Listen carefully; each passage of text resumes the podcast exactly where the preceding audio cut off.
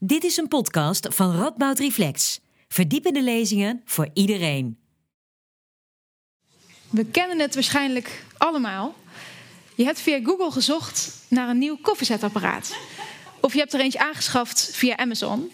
En ineens online staat alles in het teken van koffiezetapparaten. Big Brother heeft meegekeken over je schouder en weet nu dat je van koffie houdt.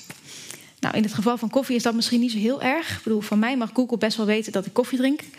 Maar wat nou als je hebt gezocht naar tips om beter om te gaan met je depressie? Of als je hebt gezocht naar informatie over je favoriete politieke partij? Zou je het dan nog steeds even prima vinden dat grote techbedrijven, oftewel big tech, over je schouder mee hebben gekeken en nu die informatie van jou hebben en kunnen gebruiken? En zo niet, wat kunnen we daar dan aan doen? Hele goede avond allemaal. Welkom bij dit programma van Rapport Reflect en het Europees Parlement Liaison Office in Nederland. Ik ben Pam Teunissen. Ik ben uh, programmamaker bij Rapport Reflect. Um, en ik ben hier vanavond met drie fantastische sprekers uh, om het te gaan hebben over de macht van Big Tech en de manieren om die macht uh, wat in te perken. Maar voordat ik ze aan u voorstel, ben ik wel heel benieuwd wie van u vindt nou dat uh, grote bedrijven als Apple, Amazon, Google, dat die te veel macht hebben op dit moment? Mag ik wat handen zien? Oké, daar zijn we wel tamelijk unaniem over dat dat zo is. Um, en wie vindt er dan dat uh, de overheid zou moeten ingrijpen om die macht van Big Tech een klein beetje in te dammen? Nou, dat is ook wel ongeveer, maar net iets minder mensen. En dat is mooi, want we hebben vanavond nog iets om over te praten. Um, hoe heet het? Zoals ik al zei, zijn hier vanavond drie fantastische sprekers uh, om met ons in deze en aanverwante vragen te gaan duiken. Um, en als allereerste uh, gaan we nu zo dadelijk luisteren naar politiek filosoof Bernd Hoeksema. Um, hij promoveert aan de Radboud Universiteit op digitalisering en machtsrelaties, als ik het goed heb. Um, dus dat kan alleen maar interessant worden. Uh, hierna gaan we luisteren naar um, Europarlementariër en econoom Paul Tang. Hij is bij met zijn werk in Brussel nauw betrokken geweest bij de ontwikkeling van de Digital Service Act, oftewel de DSA.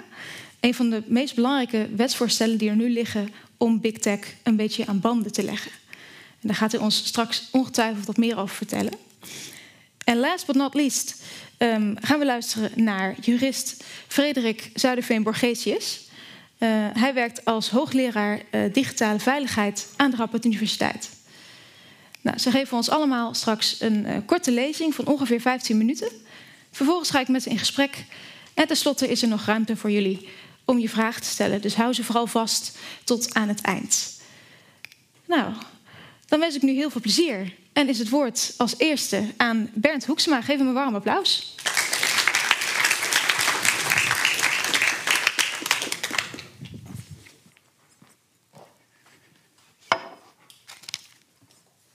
Goed, we gaan het vandaag hebben, vanavond hebben over de macht van, uh, van platformen, van online platformen en, van, uh, en de rol van, uh, van regulering daarvan. En ik ga dat doen in de, in de context van vrijheid. en om te beginnen, dus het zal eerst wat theoretisch zijn, maar we gaan terug naar de DSA en de sprekers naast mij, na mij gaan dat ook doen. En dan is meteen de vraag, waar denken wij aan als wij over vrijheid spreken? Nou, een veel voorkomende manier om over vrijheid te spreken is in termen van afwezigheid van beperkingen. En dat hebben we recent eigenlijk nog wel gezien. Tijdens de coronademonstraties gingen grote groepen mensen de straat op om te demonstreren tegen uh, beperkingen die hen worden opgelegd door de overheid.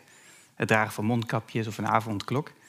En dat zagen zelfs een aanslag op hun, op hun vrijheid. En op dezelfde manier zou ik kunnen zeggen: als ik u allemaal zou dwingen om naar mij te luisteren vanavond, uh, dan beperk ik uw vrijheid om iets anders te doen vanavond. En als kinderen naar bed gestuurd worden, ouders beperken hun ouders hun vrijheid, et cetera. Dat idee van vrijheid, dat noemen wij negatieve vrijheid, de afwezigheid van beperkingen.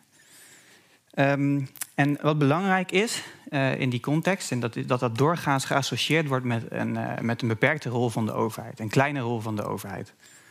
Uh, de overheid is, is, is altijd verdacht en argwanend, want de overheid is zelf een grote bron van beperkingen van, van keuzes.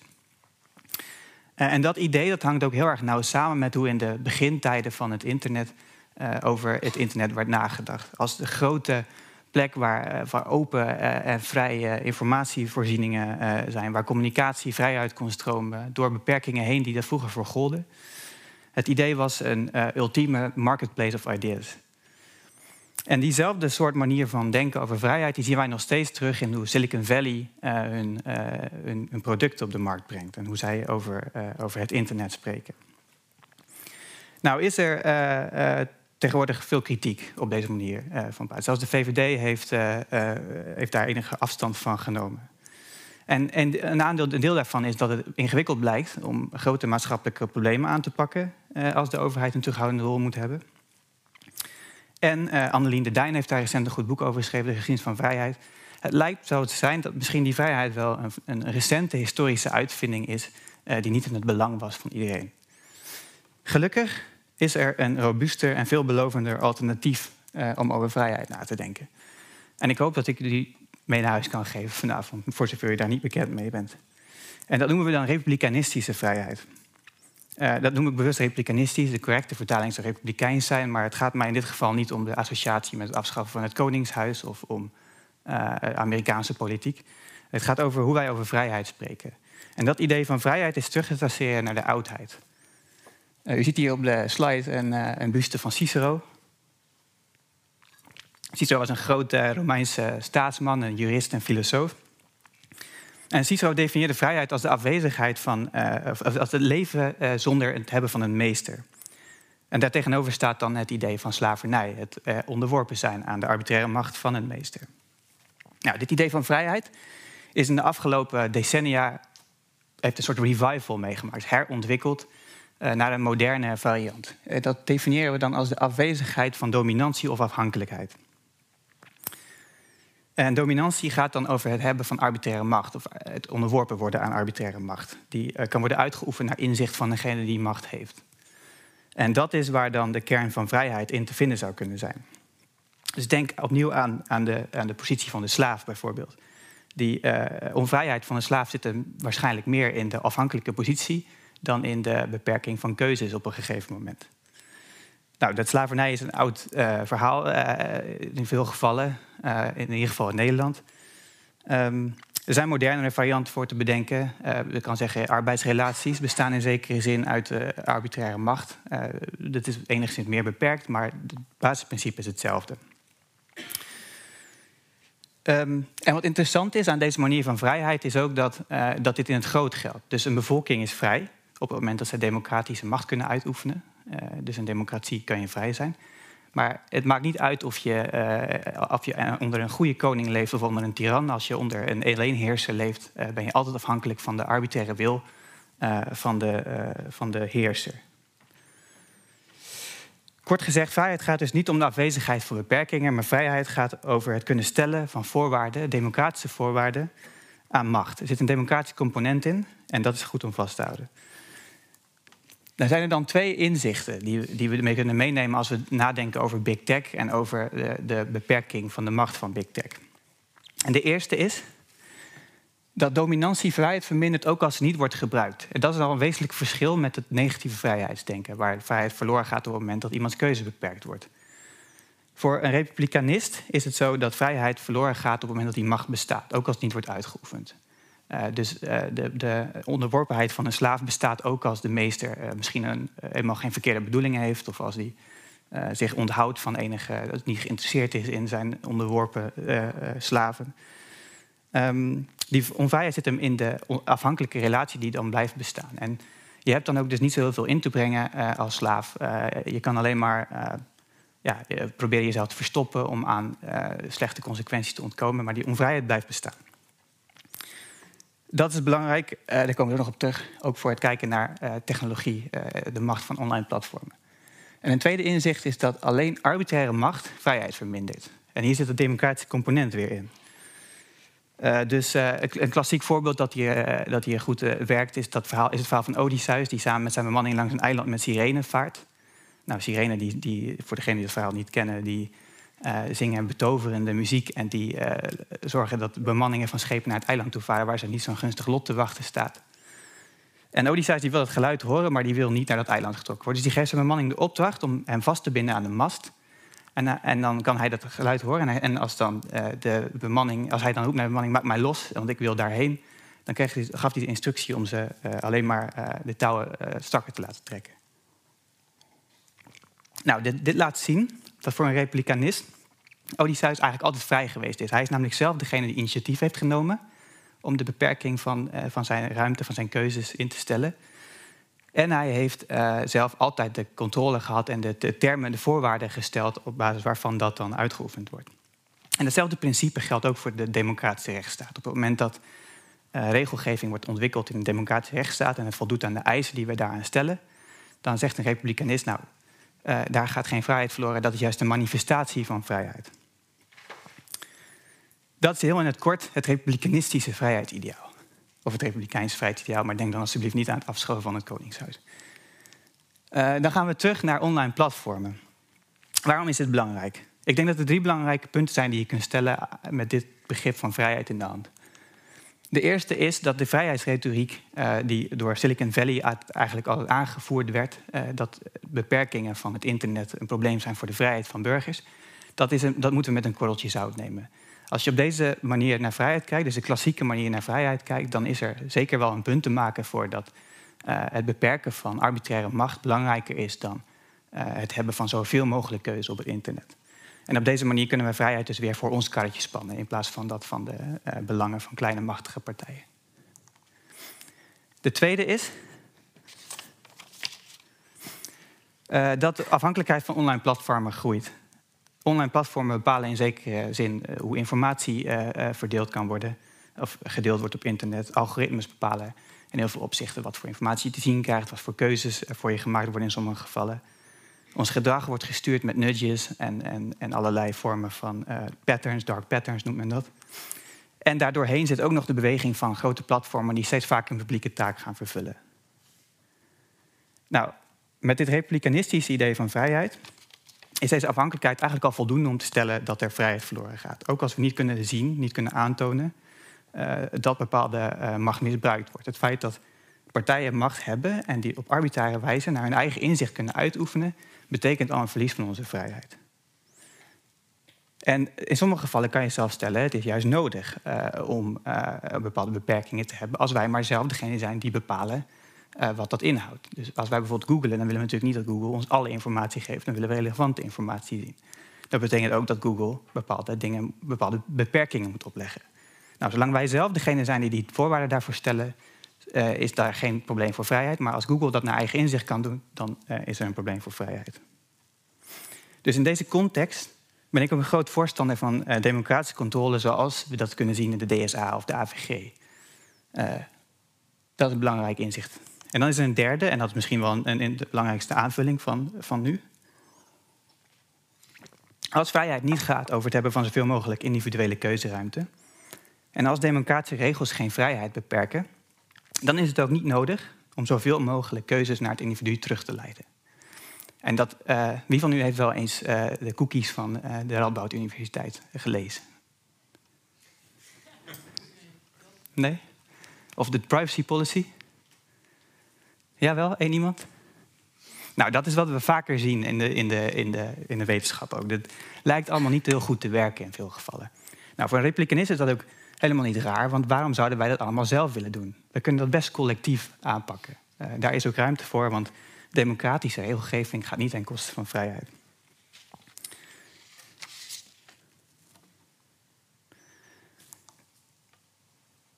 Ja, dat is het derde punt. En de samengevat vrijheid gaat niet zozeer om het uh, hebben van zo min mogelijk beperkingen of het hebben van zoveel mogelijk keus. Maar vrijheid is een kwestie van het beperken van arbitraire macht. En juist in die grote online platformen zien we veel van die arbitraire macht die nog niet beperkt is. In die context is het DSA een noodzakelijke ontwikkeling. En of die goed genoeg is en ver genoeg gaat, daar komen we vast nog over te spreken. Maar het achterliggende idee dat dit soort regelgeving vanuit de Europese Unie, vanuit de Nederlandse overheid, noodzakelijk is voor de bescherming van onze vrijheid, dat blijft staan. En daarnaast is er ruimte voor meer democratisch zelfvertrouwen. Ook het reguleren van bijvoorbeeld meer inhoudelijke uh, zaken bijvoorbeeld misschien uh, het, track of, of het, tracken van, uh, van ons online gedrag acceptabel vinden. Dat zouden we best eens kunnen verbieden zonder dat terug te brengen naar uh, individuele keuze. En dat zijn een aantal van de belangrijkste inzichten die we kunnen meenemen als we met een republikanistisch perspectief naar vrijheid kijken.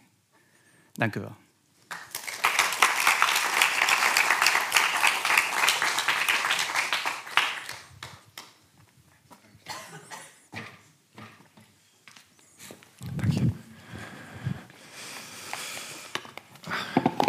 Goedenavond.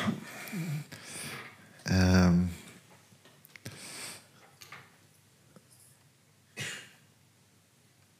even kijken. Ja, ik weet weer waar ik bij moet zijn. Um,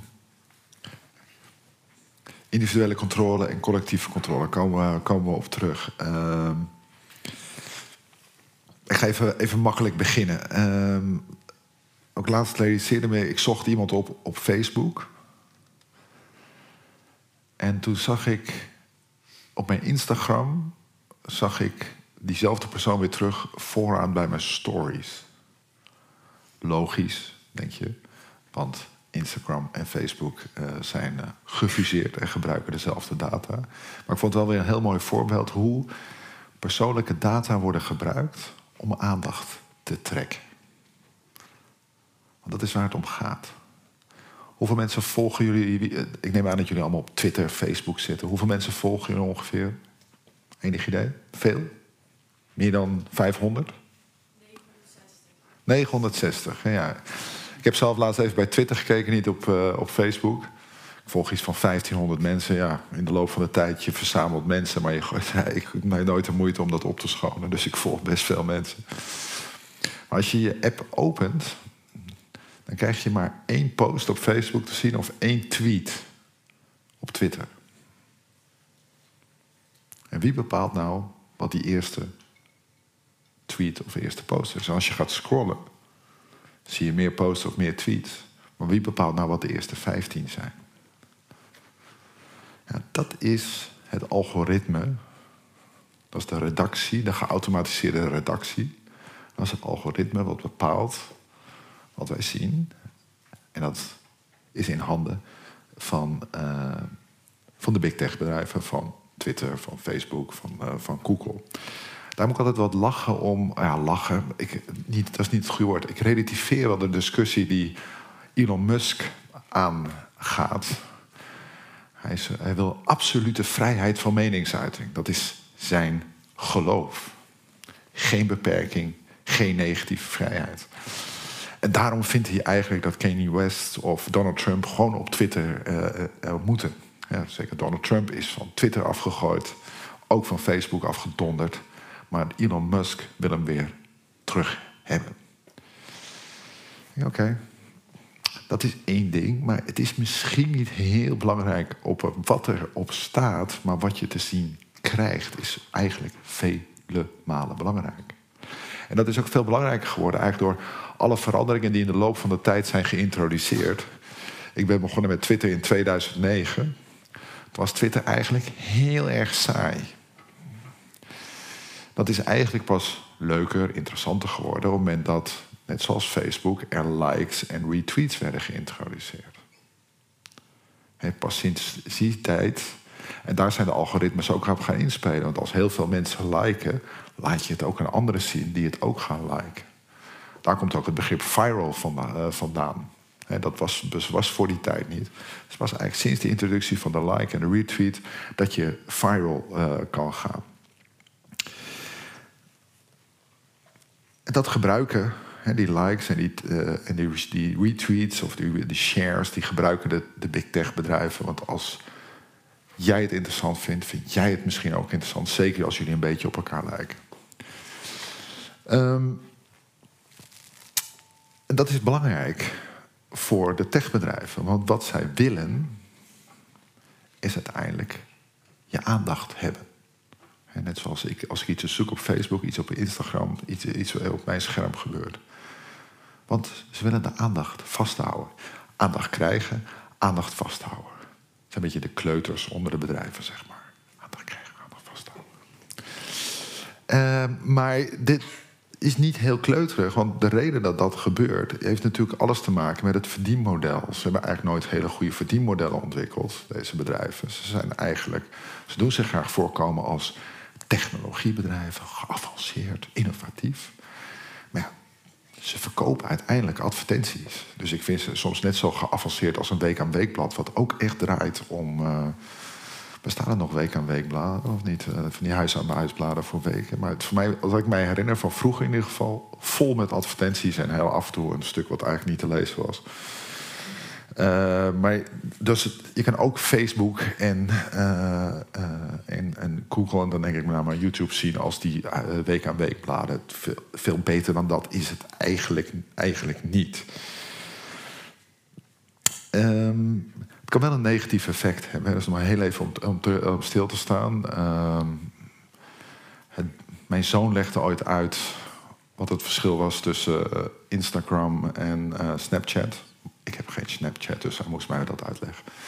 Hij zegt: Instagram is zoals het leven eh, zou moeten zijn en Snapchat is zoals het leven is. Ah, dat begrijp ik wel. En je hebt ook tegenwoordig Be Real. Dat is redelijk populair in mijn omgeving. In ieder geval de jongen in mijn omgeving. Vind ik ook heel leuk. Be Real. Het gaat over de werkelijkheid. Je moet een foto nemen. Jij bepaalt niet wanneer die foto genomen wordt. Eh, de app bepaalt wanneer die foto moet worden genomen. Dat moet je laten zien. Maar ik, stond wel, ik schrok wel een beetje van hoe het leven zou moeten zijn. Er is veel druk in deze samenleving over hoe je eruit zou moeten zien of hoe je zou moeten gedragen. En Instagram is bij uitstek dat vehikel om dat, dat soort beelden, te, beelden te verspreiden. En er, was er is een klokkenluider, uh, Francis Hawken, die juist dat onderzoek naar voren bracht. Dat liet zien dat met name uh, tienermeisjes kwetsbare, kwetsbare leeftijd zou je kunnen zeggen, heel gevoelig waren voor, de, voor, de, voor Instagram. En dat Facebook dat rapport onderdrukte. Um, maar goed, uh, dat is niet alleen bij Facebook. Uh, deze week, uh, vorige week konden we ook in de, Wall Street Journal lezen dat het TikTok, de algoritme, na 36 minuten kijktijd van video's over mentale gezondheidsissues en depressies, weet het algoritme genoeg. En krijg je, is 93 van alle, procent van alle video's gaat over mentale gezondheid issues. Dus je bent gevangen dan in die vuik. Dus pas op wat je kijkt op, uh, op TikTok. Het, uh, het, kan je blijven achtervolgen. Uh, dat, maar dat is eigenlijk even, een, uh, even een, zij, een zijpad. De bedrijven zijn erop uit om aandacht te trekken en aandacht te houden. Ehm, en ze hebben daar een mechanisme voor ontdekt dat op zich niet nieuw is. Ik ben ook lid geweest van de Tweede Kamer en ik sprak wel eens, ik was, ben lid van de Partij van de Arbeid. Er was ooit een tijd dat de PvdA regeerde en de VVD in de oppositie zat. Dat zeker voor de jongere mensen onder ons is dat, ja, de VVD zat ooit in de oppositie. Dat was nog, uh... En ik maakte dan met de VVD-woordvoerder uit de oppositie de afspraak. Wij gaan een debat hebben en wij gaan heel erg ruzie maken. En waarom deden we dat? Nou ja, heel eenvoudig. Dan domineerden we het debat en stonden de volgende dag in de krant. Dat was ook een beetje. Je, we vonden het prima ook hè, om die verschillen tussen oppositie en regering, tussen links en rechts, wat uit te vergroten. Dat, daar was ook op zich niks mis mee. Maar we wisten ook heel goed dat we het debat daarmee domineerden en, en het nieuws hadden. Dus dat mechanisme van oneenigheid en het liefst verontwaardigde oneenigheid ja, dat werkt goed, dat vinden we mooi, dat vinden we machtig. Nou ja, en de Amerikaanse techbedrijven uh, die kunnen geen seks verkopen, zo puritein zijn ze nog. Maar dit is misschien nog wel beter. Het probleem is dat het mechanisme is niet nieuw, maar het is wel op hele grote schaal doorgevoerd. Dus wat we zien is oneenigheid en het liefst verontwaardigde oneenigheid. En dat voedt ook een, een cultuur van polarisatie. En het leidt ook tot fragmentatie, tribalisering. Dat is wel wat er gaat gebeuren. In die zin is de wereld wel aan het veranderen. Eigenlijk sinds de invoering van de, like en de retweet button zijn we echt. Is de samenleving wel aan het polariseren en aan het fragmenteren. Um, dat betekent ook dat juist die verspreiding van van nepnieuws, samensweringstheorieën, haatberichten, heeft er best een, heeft een grote vlucht genomen. Dat is wat we zien. En deze week uh, was een collega van mij uh, in het Europees Parlement, Rob Roos. Iemand kent Rob Roos, even kijken. Zijn, jullie zijn geen politieke diehards, anders hadden jullie dat geweten. Uh, is lid van Ja21, een van de rechtspopulisten. en hij was helemaal gelukkig, heb ik mij laten vertellen. Vertelde iemand die hem tegen was gekomen. Want hij was viral gegaan. ja, dat is toch even toch mooi als je dat eens in het leven gebeurt. Um, hij was viral gegaan, want er was een, zijn hoorzitting in het Europees Parlement over COVID. Het terugblik vanuit het parlement, hoe is het gelopen, welke lessen moeten we trekken. Eigenlijk wat gezond, uh, gezond democratisch mechanisme. En, uh, en, hij had ontdekt, dus aanhalingstekens, dat uh, bij de het testen op vaccinaties en niet was gelet op of het leidde tot verdere verspreiding of niet. Hij zegt, zie je wel, we zijn voorgehouden dat als je gevaccineerd bent, je het minder snel zou verspreiden. Als je er even over nadenkt, dan weet je dat het natuurlijk onzin is. Je kan niet in een clinical trial met een beperkte steekproef, kan je natuurlijk helemaal niet nagaan of dat virus bijdraagt aan, of dat vaccin wel of niet bijdraagt aan, het stoppen van de verspreiding. Je kan testen wat het gevolg is voor de individuen in die uh, steekproef. En in vergelijking met de controlegroep. Dus het was eigenlijk een, uh, een leugentje. Maar wel een leugentje dat viraal ging. En hij belandde ook erg bij. Wat is de naam? Carlson Tucker van Fox News. Nou. Uh, en je ziet ook wel mensen als Marion Koopman uh, en onze Vlaamse viroloog, ik ben even zijn naam kwijt, uh, Mark.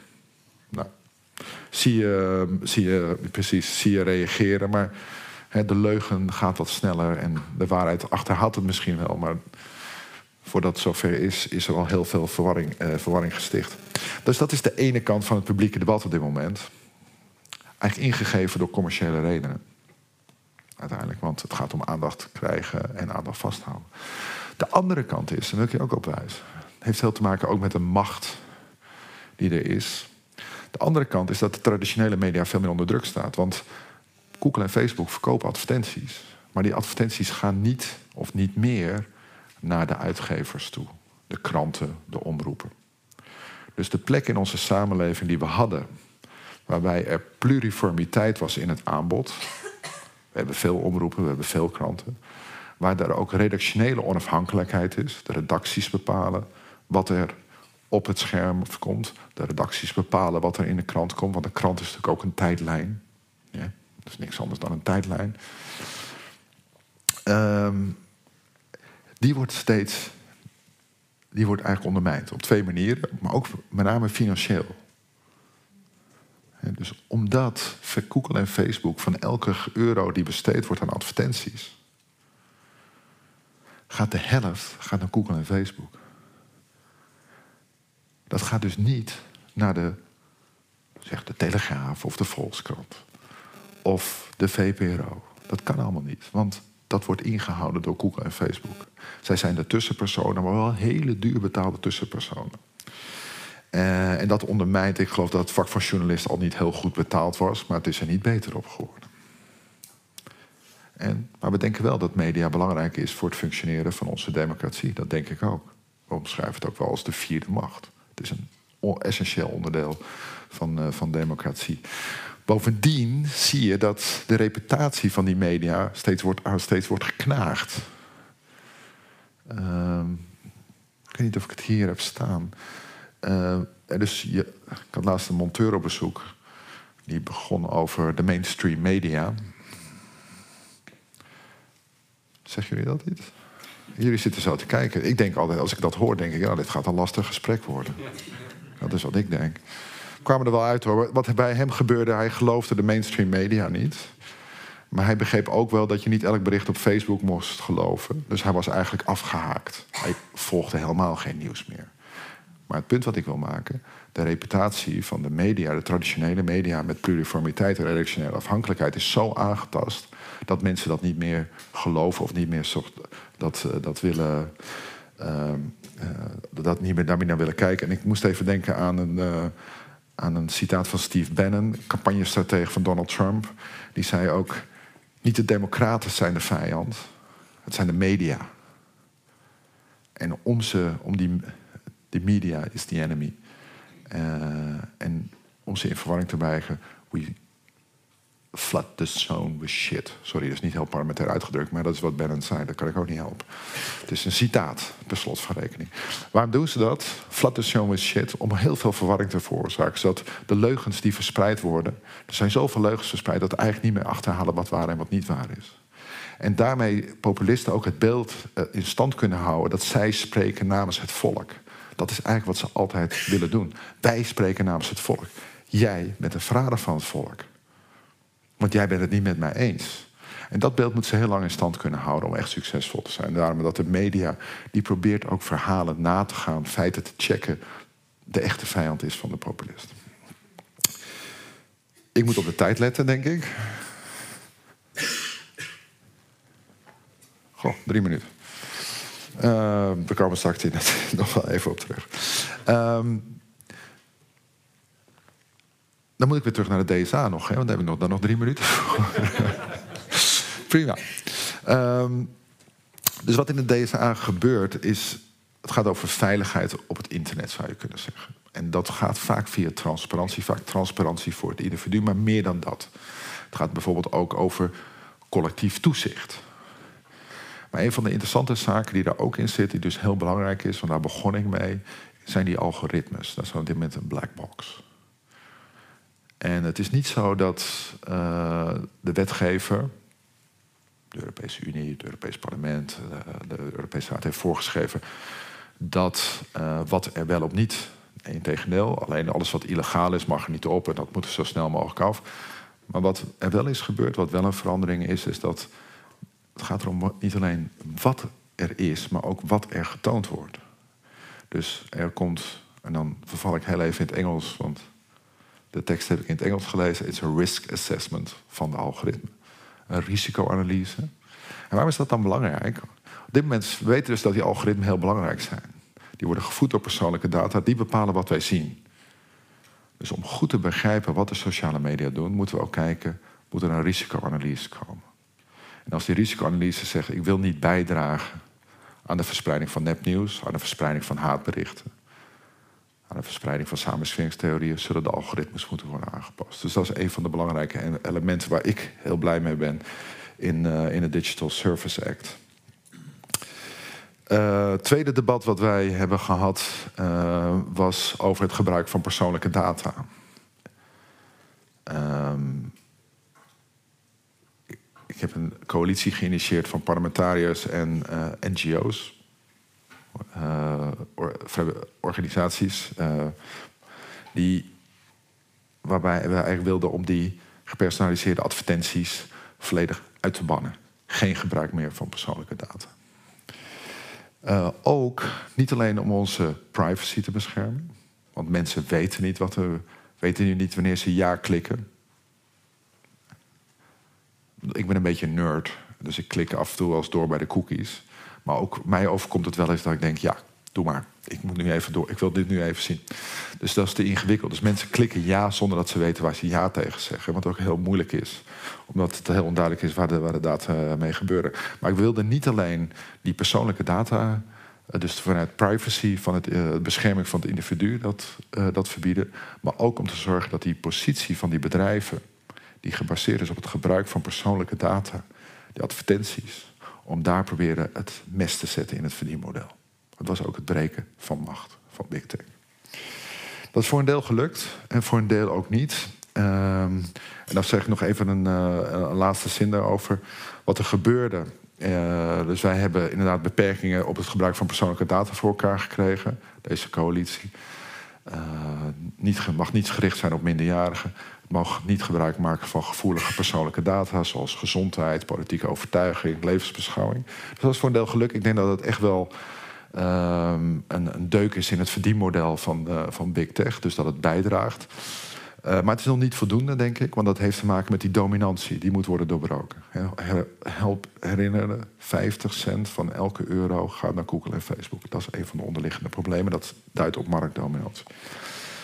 Het probleem was dat Google en Facebook en anderen zeiden: wij zijn goed voor het midden- en kleinbedrijf.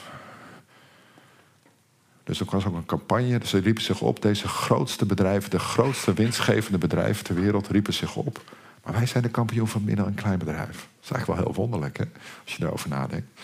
En in Nederland had je dan het bedrijfje Hart voor Wijn. Dat verzorgt wijncursussen, heb ik, weet ik inmiddels. In Italië hadden ze een opticien gekozen. En ehm, wij zijn dus gebombardeerd, ook als Europarlementariërs en assistenten... of via Twitter met deze advertenties. Maar het punt was, hun verhaal sloeg voor een deel aan. Ik heb Margaret Verstaier, de eurocommissaris, horen zeggen...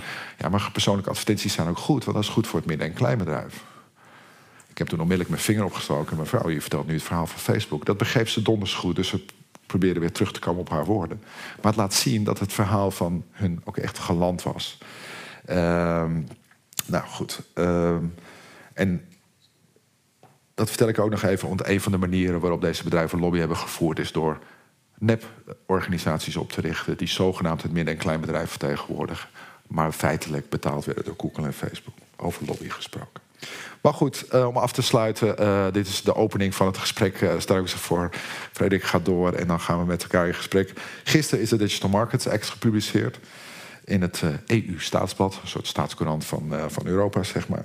En over negen dagen die trekt die in werking. en dat gaat voor een deel stapsgewijs. De Digital Service Act komt daarna. Dat zijn eigenlijk twee zusterwetten. Um, en toch een belangrijk ding, daar is het toezicht echt anders georganiseerd dan bij de AVG of de GDPR. Het is veel Europese geworden. En dat Europese tegenwicht heb je ook nodig tegen die grote Amerikaanse big tech. Dank jullie wel.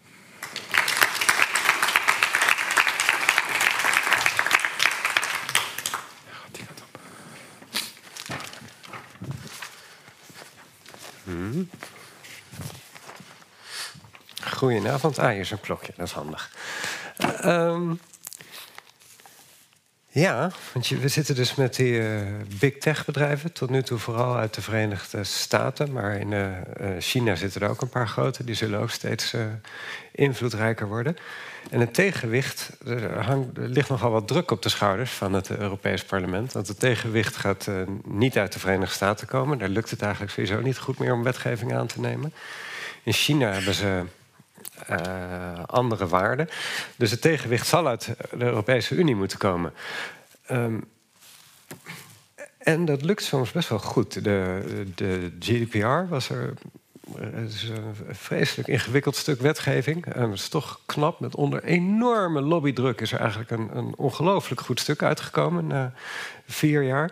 En um, de GDPR was trouwens de opvolger van een voorganger, de Data Protection Directive, uh, richtlijn persoonsgegevens uit 1995. En die is in zo'n 120 landen inmiddels uh, gekopieerd eigenlijk, de kernideeën. Dus ongelooflijk invloedrijk. Um, en ik heb ook wel eens, als ik met een probleem zat... van hoe moeten we dit specifieke juridische probleem aanpakken... en ik uh, overlegde met een uh, Japanse hoogleraar... Uh, mensenrechten en tech, van hoe pakken jullie dat nou aan? Toen keek ze me aan, hè? ja, we wachten op Brussel en dan doen we dat na natuurlijk. Wat, dus er ligt echt wel een zware druk op de EU. En um, die pakken dat ook heel ambitieus aan. Dit bijvoorbeeld is die Digital Services Act, een stevig pak papier, zoals u ziet. En um, dit is een soort um, opvolger van de zogeheten e-commerce richtlijn. En die was in 2000 aangenomen, dus de onderhandelingen daarvan begonnen midden, eind uh, jaren 90. En dat, um, dat was eigenlijk ook een heel goed stuk wetgeving. Vond uh, praktisch alle academici toen, en ik ook. Um, en die zei eigenlijk, dit was een beetje nou, midden, eind jaren negentig, begonnen die onderhandelingen te lopen. En toen was het idee van het World Wide Web is goed voor vrijheid van meningsuiting. Mensen kunnen bloggen en zo. Ook goed voor uh, commerce. Um, dat vindt de Europese Unie ook belangrijk. Um, en toen was het idee, kort samengevat, van ja, uh, er zijn hostingbedrijven nodig voor het World Wide Web. Maar uh, zonder wetgeving, dan uh, worden die verantwoordelijk gehouden als er een keer op een website een uh, illegale kopie van een Hollywoodfilm staat of zo. En dan dacht de Europese Unie van, nou, dan durft niemand een hostingbedrijf op te richten. Of als ze opgericht worden, dan worden ze failliet geprocedeerd. Dus daar moeten we iets op bedenken. En dat deden ze. Uh, het is allemaal redelijk juridisch, technisch en ingewikkeld. Maar het komt erop neer, de e-commerce richtlijn zei... eigenlijk hosts zijn helemaal niet verantwoordelijk voor wat ze opslaan. Ook wel logisch, want iemand huurt een host om een website op te slaan. Behalve als ze gewaarschuwd worden, zegt er gebeurt iets illegaals daar. En dan moeten ze het uh, weghalen als die waarschuwing um, overtuigend is. Bijvoorbeeld omdat je een, uh, een rechterlijk vonnis kan scannen en sturen. Of toen nog dachten ze ook aan faxen. Dat leek heel verstandig. Maar wat niemand had voorzien was dat toen kreeg je de YouTubes en de Facebooks van deze wereld. En die zeiden, met recht ook wel, van joh, ja, wat zijn wij? Wij slaan dingen op, we slaan content op, foto's en uh, uh, memes. Dus wij zijn hosts en dus zijn we nergens voor verantwoordelijk. En omdat die e-commerce richtlijn zo oud was, was er niet een andere categorie waar ze in pasten. Dus die hebben ook heel wat rechtszaken gewonnen. En rechters die gaven ze wel af en toe iets meer verantwoordelijkheid. Van ja, ja, maar zo passief ben je nou ook weer niet. Maar goed, inmiddels hadden we natuurlijk wel door van dat is wel een beetje makkelijk als je. Uh, tientallen miljarden omzet per jaar hebt. Nee, sterker nog, tientallen miljarden winst per jaar. En dan zeggen van, joh, ik ben een host, ik ben niet verantwoordelijk voor um, uh, uh, wat voor hate speech en uh, copyright inbreuk makend materiaal er allemaal hier gebeurt. Dat was wat te makkelijk. En dat begonnen uh, ook academici en, en natuurlijk um, slachtoffers van hate speech en zo, die begonnen uh, dat steeds ongemakkelijker te vinden. En dat is een van de dingen die de DSH probeert aan te pakken. Um, ja, het is dik en juridisch technisch ingewikkeld, maar samenvattend, er is nog steeds hosts, uh, klassieke hosting providers, daar geldt eigenlijk hetzelfde voor. Als je gewoon voor iemand een, um, een website opslaat, dan zijn ze niet verantwoordelijk totdat je waarschuwt van zeg, uh, je host de Pirate Bay of zo. En dan voor platforms en voor very large online platforms, in Brussel noemen ze dat de VLOPs, um, gelden er zwaardere uh, uh, verantwoordelijkheden, veel meer. En dat is ook wel. Uh, oh, die zijn gedefinieerd zeg maar, als je meer dan 45 miljoen gebruikers hebt. Dus het komt er eigenlijk op neer. Facebook, Google, LinkedIn, Twitter, TikTok. Als je in die hoek zit, dan is er opeens, zijn er heel veel verantwoordelijkheden. En dat lijkt me een heel verstandige aanpak. Bijvoorbeeld. Um, moet transparantie geboden worden omtrent de algoritmes inderdaad, die, zeg maar je newsfeeds organiseren. Uh, ook, ze moeten spontaan, zonder daar opgeroepen toe te worden. Ze moeten, ja, dus de wet roept ze dus op. Uh, maar ze moeten zelf in de gaten houden van zeg, gebeuren er dingen zoals grootschalige uh, nepinformatiecampagnes of uh, manipulatie van um, verkiezingen door um, Cambridge Analytica-achtige bedrijven. Ze moeten dat zelf actief in de gaten houden, anders dan dus onder het oude e-commerce regime. En um, toezichthouders waarschuwen als ze denken van hé, hey, er gebeurt wat riskants. En zelf die risico's ook tegengaan door berichten weg te halen of um, uh, verder naar beneden te duwen in je newsfeed of zo. Allemaal heel verstandig volgens mij. Um, ook, daar zullen ze echt van balen, uh, worden zeg maar, die grote platforms verplicht om uh, allerlei data over wat er intern gebeurt aan de achterkant, wat wij niet zien als gebruikers, moet um, met de Europese Commissie gedeeld worden, die dan kan uh, kijken van um, uh, wat gebeurt er nou precies. En dan staan er ook weer allemaal artikelen in terecht, die de Europese Commissie allemaal hele strenge geheimhoudingseisen uh, oplegt en zo. En, heel leuk voor, onze, voor ons aan de universiteiten, via de nationale toezichthouder, in Nederland wordt het waarschijnlijk de autoriteit consumentenmarkt, zeg maar consumentenbeschermingsautoriteit kun je aangewezen worden als um, zeg maar goedgekeurd onderzoeker. En kun je ook toegang krijgen tot die um, data. Maar zelfs als je die status niet krijgt, dit wordt ook heel interessant. Die grote platforms worden verplicht om alle advertenties die ze laten zien, om die in een um, repository, zeg maar een online register, moeten ze die allemaal open en bloot laten zien en erbij zetten. Uh, wie heeft betaald, waarvoor wat wordt geadverteerd en op wat voor um, kenmerken worden die op bepaalde mensen gericht. Dus gaat het alleen maar over uh, vrouwen die van yoga houden, maar niet vegetarisch zijn en in centrum uh, Nijmegen wonen, maar ook uh, allerlei andere, nou gewoon alle targeting criteria. Dus criteria om advertenties aan bepaalde mensen te laten zien, moeten daarbij opgenomen worden. Dat is hartstikke interessant voor onderzoek. Als je onderzoek wil doen van ja, worden er mensen gemanipuleerd? Um, en wat voor politieke advertenties worden er nu getoond en zo. Want door al die personalisatie um, zijn bijvoorbeeld uh, politieke advertentiecampagnes veel moeilijker te onderzoeken dan zeg uh, 15 jaar geleden. Omdat iedereen dezelfde VVD en PvdA um, advertenties zag. Maar nu weten wij eigenlijk niet wat voor advertenties anderen te zien krijgen. Dus um, uh, complimenten aan het Europees Parlement en de Europese Commissie. Een uh, heel ambitieus en um, belangrijk stuk. Dus afwachten altijd een beetje hoe het uitpakt in de praktijk. Niet omdat de Europese Unie dom is, maar omdat ze zo progressief zijn en eigenlijk niet inspiratie kunnen putten uit. Uh, niet, niet zulke nuttige inspiratie kunnen putten uit wat gebeurt er in de Verenigde Staten of wat, hoe reguleren ze dat in Azië. We lopen echt voorop daarin. En het is heel moeilijk om um, zo'n snel ontwikkelende economie en technologie om dat te reguleren. Maar ik ben, uh, ik ben ook wel eens. Uh, veel kritischer hoor. De AI Act, een ander EU-voorstel, is heel goed bedoeld, maar er zitten echt hele serieuze weeffouten in. Maar dit is echt een hele goede poging. Ik heb niet echt blunders nog tegengekomen. Maar we moeten een beetje um, aanzien hoe het uitpakt. En even kijken, misschien na uh, 15 of 20 jaar is er weer een herziening nodig. Dat is allemaal normaal met uh, snel um, ontwikkelende technologie. Ander pakket wetgeving wordt iedere e-privacy-richtlijn wordt iedere zeven jaar herzien. Zo gaat dat. Uh, maar ik ben erg onder de indruk. Mm, dus, een van de belangrijkste boodschappen is uh, grote platforms, de bekende big tech bedrijven, krijgen veel meer verantwoordelijkheid. Daar kunnen ze ook uh, voor worden aangesproken met boetes die tot uh, 6% van de wereldwijde omzet lopen. En dat moet zelfs indruk maken op um, Silicon Valley bedrijven. Uh, en op um, uh, TikTok is Chinees, hè? Ja. Uh, op um, andere grote bedrijven.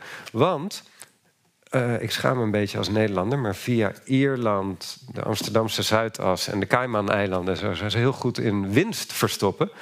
Maar dat helpt wel tegen belasting betalen, maar helpt niet tegen DSH-boetes, want die wordt over de omzet berekend. Dus zelfs als je al je winst verstopt, de uh, boetes kunnen berekend worden, uh, nou, 6% van je omzet. En dat is serieus. Als je Google, ik geloof af en toe 50 miljard winst per jaar bijvoorbeeld. Nou, dat zijn serieuze bedragen. Um, dus um, ik ben onder de indruk. Het is een belangrijke stap om uh, big tech um, wat aan banden te leggen. Het is geen silver bullet, dus het is, niet, uh, het is niet in één keer opgelost. Maar ja, we blijven stapje voor stapje blijven we bijleren en beter reguleren. Maar dit is echt uh, vergeleken. Nou, het loopt voor in de wereld echt een hele goede, belangrijke poging. En het, zou me niks verbazen als dit net zo invloedrijk wordt als de AVG, de GDPR, die Europese privacywet. En um, ja, ik kijk uit naar uw vragen en naar opmerkingen van mijn uh, medesprekers. Dus ik uh, hou het hierbij. Dank u wel.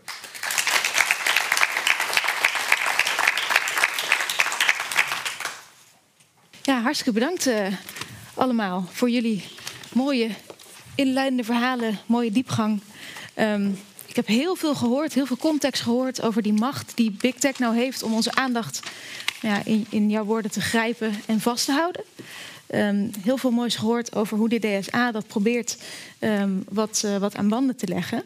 Um, laat ik bij jou, uh, bij jou beginnen, Paul. Wat, uh, ik, ik, begrijp dat je betrokken bent geweest bij de, bij de DSA. Nou, wat zit er nou in de DSA waar je het meest trots op bent? Waarvan je denkt, dit is, dit, dit is iets waar we echt op voort kunnen bouwen. Ik moet toch lachen als je dat vraagt, omdat ik tegelijkertijd ook wel. Uh, je probeert als politicus, probeer je. Uh, uh, heb, je, heb, je, heb je resultaat voor ogen. En je, en je weet ook in de onderhandelingen ga je niet alles, ga je niet alles binnengaan. En op het moment dat je die vraag stelt, denk ik ook aan wat ik allemaal niet heb binnengehaald en wat er nog wel moet gebeuren. Dus het gevecht gaat in die zin gewoon, gaat in die zin gewoon door. Maar dat Frederik ook heel goed heeft uitgelegd, daar probeer ik al aan te geven bij die risk assessment. Er komen veel meer verantwoordelijkheden voor de grote platformen. En dat is een verschil. En ze hadden eerst nou, alle vrijheid. Nee, wij zijn niet verantwoordelijk voor de inhoud. En in zekere zin is dat nog wel overeind gebleven. Ze zijn niet verantwoordelijk voor elke tweet of elke post. Uh, maar ze hebben wel de opdracht gekregen om een aantal maatschappelijke doelstellingen die ze zelf onderschrijven, om die, uh, om die na te streven. Als ze zelf zeggen we willen geen nepnieuws verspreiden, moeten ze ook dat zorgen dat hun algoritme er ook voor zorgt dat ze geen nepnieuws verspreiden. Dat hoef je niet bijvoorbeeld door Donald Trump uh, van, het, van Twitter af te gooien. Dat kan je ook doen door Donald Trump gewoon heel laag te zetten, zodat het niet opvalt. Mm. Dus dat, daar zijn verschillende manieren voor. Maar dat, en dat vind ik zelf een. Ben ik heel benieuwd ook naar. Ook omdat die algoritmes op dit moment inderdaad ook nog een black box zijn misschien ook nog wel voor een deel voor de big tech bedrijven. Ik moest laatst ook wel weer een beetje grinniken toen ik uh, een, uh, een, getuigenverslag uh, las van een aantal Facebook engineers. En ik zeg, ja, we weten eigenlijk niet zo goed waar de data staan, om je te zijn. Dat is eigenlijk een betoog bij, de, bij, een, Amerika bij een Amerikaanse rechtbank. Dus hun systemen zijn zo complex geworden. Ze hebben heel veel persoonlijke data. Maar als je ze moet gaan zoeken, dan moeten ze zelf ook al, die, al die bestanden bij wijze van spreken gaan nalopen. Dus kan zijn dat het techbedrijf het ook niet helemaal begrijpt. Maar dit is echt heel hard nodig om, uh, om, om hier de verandering in te brengen. Mag ik daar eens één ding toevoegen wat ik heel graag gewild zou hebben, maar dat niet mhm. gelukt is? Kijk, met deze wetgeving in de hand konden we deze bedrijven niet, uh, niet opbreken. Het is geen. Uh, dus niet in stukjes hakken. Stukjes dus wat minder macht, machtig te uh, je hebt Elizabeth Warren die zei: break them up. Nou, daar heb ik wel sympathie voor. Dat kunnen we niet. Uh, met deze wetgeving. Uh, maar we, wat we wel uh, kunnen doen is openbreken. Dus niet opbreken, maar openbreken. En het idee daarachter was. Wat is het verschil daartussen? Nou, het verschil is dat je eigenlijk. Kijk, nu bepaalt Facebook wat je te zien krijgt. Of Twitter bepaalt wat je te zien krijgt. Maar neem nou even de analogie met de krant. Ik kan kiezen uit de Volkskrant, de Trouw, de Telegraaf. En ik weet welke kleur ze vertegenwoordigen. Ik weet wat ik kan verwachten daarvan. Maar ik kan er ook tussen kiezen. Ik kan ook, ja. kan ook boos je abonnement opzeggen om dat. En naar een andere krant gaan. En hetzelfde geldt bij on-Nederlandse omroepen. Dat was maar ook mijn ideaal eigenlijk bij, uh, bij de sociale media. We hebben nu eigenlijk drie aanbieders: Twitter, Facebook en YouTube. En daarbinnen zou het eigenlijk mogelijk moeten zijn om andere aanbieders te krijgen. Dat je bij wijze van spreken een Volkskrant uh, tijdlijn krijgt op Facebook. De redactie van de Volkskrant bepaalt op basis van jouw persoonlijke vrienden en andere informatie wat jouw tijdlijn zou moeten zijn. Uh, dat was eigenlijk een van, de, van mijn idealen. Want daarmee. Meer diversiteit. In de... Ja, veel meer. Dus we, we hebben in de traditionele media altijd gezocht naar uh, pluriformiteit en onafhankelijkheid. En dat zijn we helemaal uit het oog verloren bij de, bij de sociale media. Het is niet onafhankelijk, het is commercieel. Het is niet pluriform, want er zijn er maar drie. Ja vier met TikTok erbij. Dat zou, dat zou mooi geweest zijn, maar er ligt nu in ieder geval. Ja, nee, maar even, even aan te geven waarom, wat het belang daarvan is. Dus dat we daar ook nog niet klaar mee zijn. En, en Bernd, als ik even naar jou, eh, naar jou mag gaan. Um, Paul noemt de grotere verantwoordelijkheid die nu komt te liggen bij, uh, bij grote uh, platforms. Um, staat dat haaks op wat jij vertelde over de vrijheid? Um, waar het internet toch uiteindelijk over, over ging, ooit. of is dat er eigenlijk wel mee te rijmen? Ja, dat is een goede vraag. Er zit natuurlijk iets paradoxaals in. Uh, dat we het hebben over de macht van big tech. En dan formaliseren we dat eigenlijk uh, door ze bepaalde verantwoordelijkheden te geven. Ja.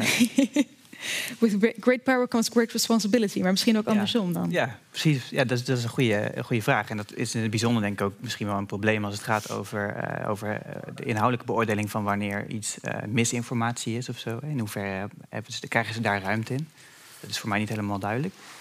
Uh, ik heb wel eens gehoord dat er ook uh, bewegingen zijn die zeggen... we moeten het gewoon helemaal nationaliseren. Op het moment dat ze een publieke taak uh, vervullen... dan is dat een kwestie van... van dat, moet, dat, dat, moeten wij als samenleving dan zelf in de hand hebben. Nou, dat gaat natuurlijk heel ver.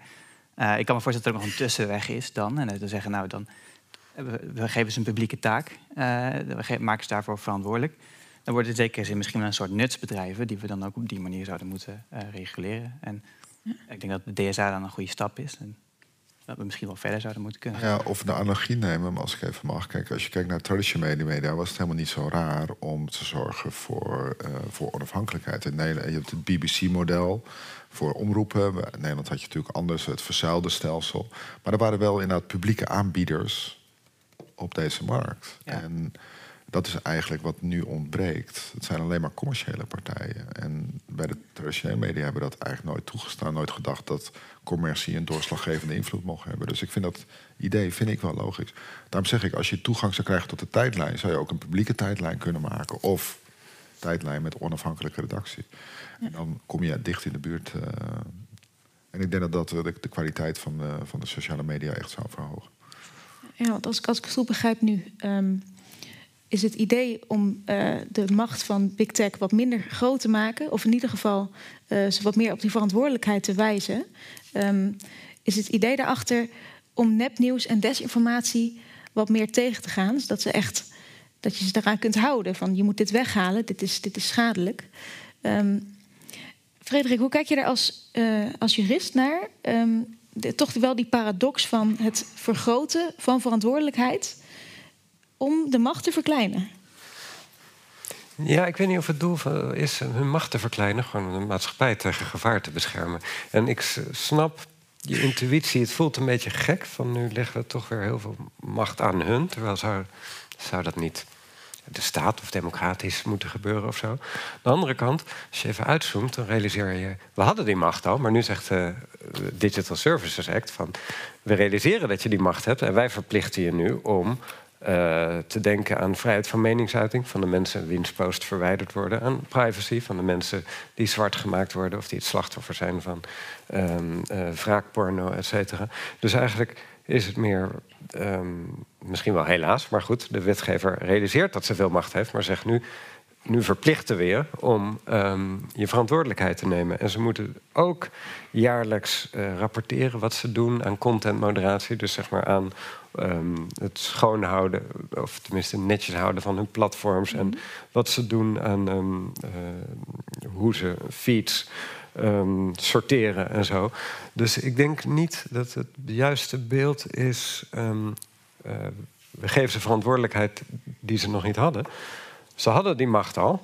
Alleen nu zeggen we uh, met boetedreiging van je moet die um, ja. uh, uitoefenen met respect voor de maatschappij en met respect voor mensenrechten. Ja, laat ik het dan zo stellen. Klopt, klopt het beeld dat, um, want, want zo, zo, zo, lijkt het nu een beetje, uh, dat die verantwoordelijkheid ook gaat over bepalen wat er um, desinformatie is. En wat, wat valt onder hate speech? Wie, wie, bepaalt dat nu? Welke informatie wel en niet door de beugel kan? Um, even kijken. Nou, de Digital Services Act zegt... je moet je platform inrichten op een manier dat voldoet aan um, even de mensenrechten eisen van, uh, ja. van Europa. En dan, nu wordt het heel snel heel juridisch, maar uh, we hebben allemaal grondrecht op vrijheid van meningsuiting en op grondrecht op uh, informatie krijgen. En hoe dat dan precies is ingevuld, dat gebeurt door mensenrechtenhoven. Die zeggen van dit kan net wel door de beugel, maar af en toe ja, moet je ook wel wat informatie tegenkomen. Die, uh, niet alles waar mensen boos van worden is meteen uh, hate speech en verboden. Dus dat is een heel moeilijke balans. En um, toch verwachten we van die bedrijven, die moeten zich daar ook aan houden. Maar er wordt ook geaccepteerd, en ik denk ook wel terecht hoor, dat je kan ook als bedrijf kiezen van ik ga bijvoorbeeld een heel preuts uh, netwerk runnen. Als je dat wil, doen ze voor een deel wel. Uh, dan mag dat ook. Dus het is niet dat we ze helemaal opleggen van wat ze moeten toestaan ja, en niet. Nee, precies, want als je Truth Social, hè, dat is het uh, netwerk van, van Donald Trump. Uh, dat, voor mij, ik denk dat het voornamelijk Amerikaans is, zou dat ze in Europa zijn intreden doen. Ik denk dat het de vrijheid heeft om een ander beleid te hebben dan, uh, dan Facebook of Twitter. Ja. En dat werkt eigenlijk alleen maar als je voldoende pluriformiteit in je aanbod hebt. Dus daarom is dat zo belangrijk. Want kijk, het is één ding als. Uh, dus ik stel me zo voor, je hebt tien vormen van Twitter, waarbij eentje komt, komt nog Trump, Donald Trump in voor, de andere negen hebben dat geweigerd dat is ook een manier om, uh, om met, uh, met die vrijheid van meningsuiting om te gaan. Betekent niet dat het door iedereen verspreid hoeft te worden. En jullie hadden het um, over. Ik weet even niet meer precies wie het over had. Ja. Maar iemand noemde dat de DSA um, ook een be belangrijke clausule heeft over gepersonaliseerde advertenties. En dat de strenge regels daarom, um, daaromheen nu, nu ook gaan over. Uh, je mag bijvoorbeeld niet meer minderjarigen targeten. Um, met gepersonaliseerde advertenties. Die grens wordt daar nu getrokken. Je mag niet meer gebruik maken van uh, gevoelige informatie uh, om daar op te baseren. En dan vraag ik me wel af, waarom wordt die grens gelegd bij minderjarigen? Uh, waarom vinden we het wel oké om dat bij volwassenen te doen, om, om data te pakken? Of vinden we dat misschien helemaal niet oké? Um, ja, je misschien op het is, Dit is ook een, een politieke uitkomst. Dus net zoals ehm, midden- en kleinbedrijf het, uh, de, de, troeteldieren zijn van politici, zullen politici ook altijd in, uh, in de bres springen voor de bescherming van minderjarigen. Dus het is makkelijk om daar een meerderheid voor te krijgen. Sorry, dat zo werkt politiek ook. uh, dus het was niet heel. Niet het altijd heel filosofisch was. Je zou kunnen zeggen: dit zijn de mensen in, op een leeftijd die nog heel beïnvloedbaar zijn. Mm -hmm. Dat zou het traditionele argument zijn. Ik denk dat het ook opgaat. Je wil graag niet dat juist deze mensen met gepersonaliseerde advertenties heel sterk worden, worden beïnvloed. En dat valt ook, uh, dat valt ook veel. Eh, ik gaf net het voorbeeld van TikTok. Uh, dus die persoonlijke informatie kan je ook leiden tot wat bij YouTube fabeltjes vaak werd genoemd. Je kan echt worden gezogen in een stroom van video's die, die een hele negatieve invloed op op ze heeft. Nou, daar wil je minderjarigen echt wel tegen, tegen beschermen. maar ik kreeg ook in alle eerlijkheid, dit was ook een manier om te zorgen dat daar was in ieder geval een meerderheid voor. Want dit was een van de verhitte debatten in het Europees Parlement.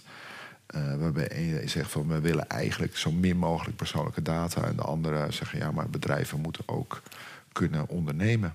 Ja. Zo ongeveer die gebruikelijke tegenstelling. En daarom hebben wij gekozen uiteindelijk om een compromis te vinden, wat ik naar de GDPR-route vond, uh, noem. Want dit is eigenlijk wat al in de GDPR ja. is vastgelegd. Alleen we hopen dat het dit keer ook wordt gehandhaafd, omdat het toezicht op Europees niveau plaatsvindt in de handen ligt van de Europe Europese Commissie. Ja, ja, ik kom zo op de handhaving, want dat is ook nog een, een heel interessant punt. Um, maar ik kan toch niet laten om even nog verder te gaan op, uh, op dat idee van die persoonlijke advertenties. Um, wat mij doet, het, doet de aanpassing die nu in de DSA wordt gemaakt, die denk ik heel, heel mooi is, ambitieus is, um, wordt, doet mij een beetje denken aan de situatie dat je um, op straat wordt gevolgd door iemand met een camera. Um, dat die persoon vervolgens tegen je zegt: Oh, maar wees niet bang, ik doe niks met de beelden van jou op de wc. En ik doe ook niks met de beelden van je kinderen. Ik heb de beelden wel, maar ik zal, ik zal, ik zal er niks mee doen, geloof me. Um, dus is, dat, is die aanpassing die de DSA nu doet, gaat dat niet te veel mee in dat verdienmodel wat Big Tech al, al aanhangt, al heel lang? Wat eigenlijk helemaal niet democratisch besloten is. Tenminste, daar ga ik nu vanuit dat dat niet gebeurd is. Um, maar misschien kun jij daar iets over zeggen. Kun je daar als, als politiek filosoof um, ja, iets van maken? Van, van wat hier gebeurt? Uh, ja, uh, dit is denk ik precies zo'n voorbeeld waar je goed kan zien dat vrijheid meer is dan alleen maar het, het, niet hebben van een bepaalde uh, beperking. Dat vertaalt zich in dit geval denk ik ook heel goed naar het idee dat dat het heel absurd is om te doen alsof je uh, met het voorkomen van een beperking alles dichtgezet hebt. Uh, het, het, het, feit dat dit macht uh, daar is, dat, het, dat bepaalde organisaties in staat zijn om mensen tot op dat niveau te volgen, aan zich zou al een probleem kunnen zijn voor vrijheid. En in die zin, ik begrijp dat het politiek natuurlijk ingewikkeld is vooruit krijgen. In die zin denk ik wel dat het ideaal zou zijn dat dat soort regels ook, ook geëxtrapoleerd zouden zijn naar, naar uh, ja, het tracken van mensen uh, over, uh, door hun leven heen in, in online omgevingen. Ja. ja. absoluut. En er komt natuurlijk bij, kinderen zijn, zijn, een, een bijzonder zwakke groep die bescherming nodig heeft in die zin. Ik denk ook wel dat we soms te veel verwachten van burgers in dat kader. die kunnen soms denk ik ook wel eens wat meer bescherming gebruiken. Ja, ja. ja kun jij, um, ik zag jou heel erg knikken. Um, is dit überhaupt haalbaar om dat wat strenger uh, te maken? Dat het daadwerkelijk dat, dat verdienmodel bevraagt? Um, of is dit zo ingesleten in de, in de manier waarop het internet nu werkt... dat we er eigenlijk niet meer omheen kunnen, dat het een gebaand pad is? Mm, nou nee, dat even kijken. De, uh, de wet moet de markt vormen en niet andersom. Maar we zijn wel niet te laat, maar wel laat hoor. Maar op zich, kijk, we hebben in, na de industriële revolutie had je ook um, uh, hartstikke onveilige fabrieken en kinderen die werkten in fabrieken. Mm -hmm. um, en veel te lange werkdagen en um, mensen die zeven dagen per week werkten en zo. Toen hebben we ongelooflijke hoeveelheid wetgeving moeten bouwen. Soms meer succesvol. De veiligheid in fabrieken in Europa is redelijk goed. Consument, even kijken. Producten die we kopen zijn veilig, dus dat is allemaal gelukt. Mm -hmm.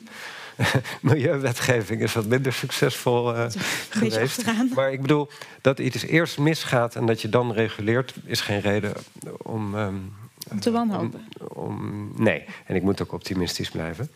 maar Uh, eigenlijk, als die privacyregels uit 1995, als die goed gehandhaafd waren, dan had Big Tech nooit zo groot kunnen worden. Want ja. wat er nu gebeurt, en we versimpelden een beetje, ik ook, maar uh, wat er nu op het internet gebeurt uh, qua um, volgen en advertenties richten, dat is op geen enkele manier in overeenstemming te brengen met de AVG. Het is allemaal nog veel gekker dan je denkt. Als je een website bezoekt, als je nu.nl of The Guardian bezoekt, dan uh, is niet die website die je volgt. Aan de achterkant zijn er 30, soms 60 partijen die je vanaf dat moment volgen. Er vindt een automatische veiling plaats binnen milliseconden, waarin er wordt beslist wie kan er een advertentie aan je tonen, wie kan je verder volgen. Je gegevens vliegen alle kanten op. Nou, dat vanaf je bezoek aan een website um, wordt de AVG op tientallen manieren geschonden. Dus er is echt een enorm gat op